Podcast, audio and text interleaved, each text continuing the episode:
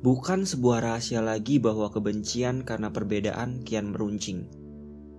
Pertikaian karena beda agama adalah kisah yang terlalu sering didengar hampir setiap saat. Perbedaan pendapat juga dalam banyak hal berujung pada sebuah pertengkaran.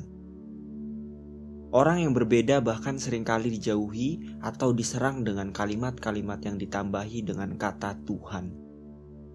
Apakah memang berbeda itu salah? Tentu tidak. Saya tidak bisa membayangkan jika di dunia ini semua manusia sama.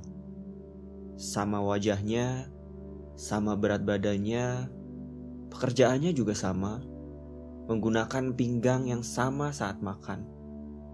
Baju dan warnanya juga sama. Wah, akan menjadi sangat aneh, bahkan mungkin tidak menarik. Perbedaan sejatinya adalah sebuah anugerah pemberian Sang Pencipta yang harus dirayakan oleh seluruh ciptaan. Dendam dan perasaan tidak suka terhadap perbedaan harus dikalahkan. Karena keinginan untuk mencinta dan berdamai dalam diri manusia itu ada. Seperti yang dituliskan oleh Sumanto Al-Qurtubi dengan mengutip Thomas Hobbes. Manusia tidak hanya inherently violent and aggressive, tetapi juga intrinsically peaceful. Mungkin inilah saatnya cara memandang seseorang yang lain dari diri kita harus diubah. Atau istilah yang lain kita ubah menjadi sesama manusia. Karena kata yang lain membawa kepada sebuah makna yang jauh dari kemanusiaan itu sendiri.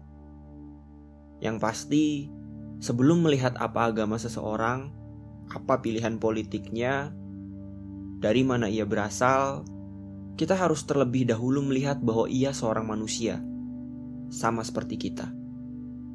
Ang Swi Chai, seorang dokter yang besar dalam tradisi Kristen tetapi menjadi relawan untuk orang Palestina adalah contoh keberhasilan mengenai merayakan perbedaan.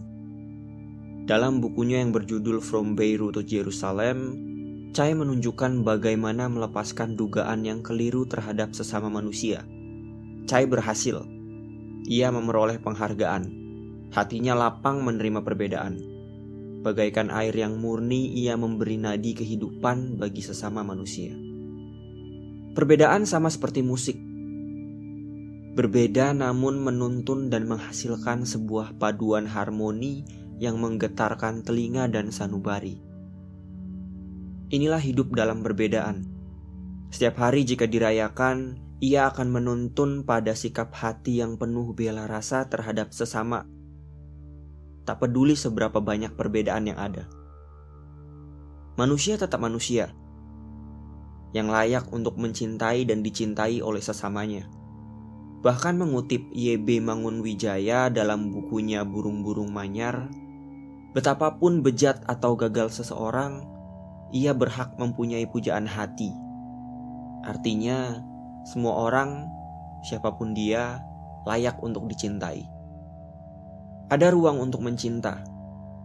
Biarkan cinta itu bertumbuh lebih besar, mengalahkan rasa benci yang juga berpotensi untuk menang.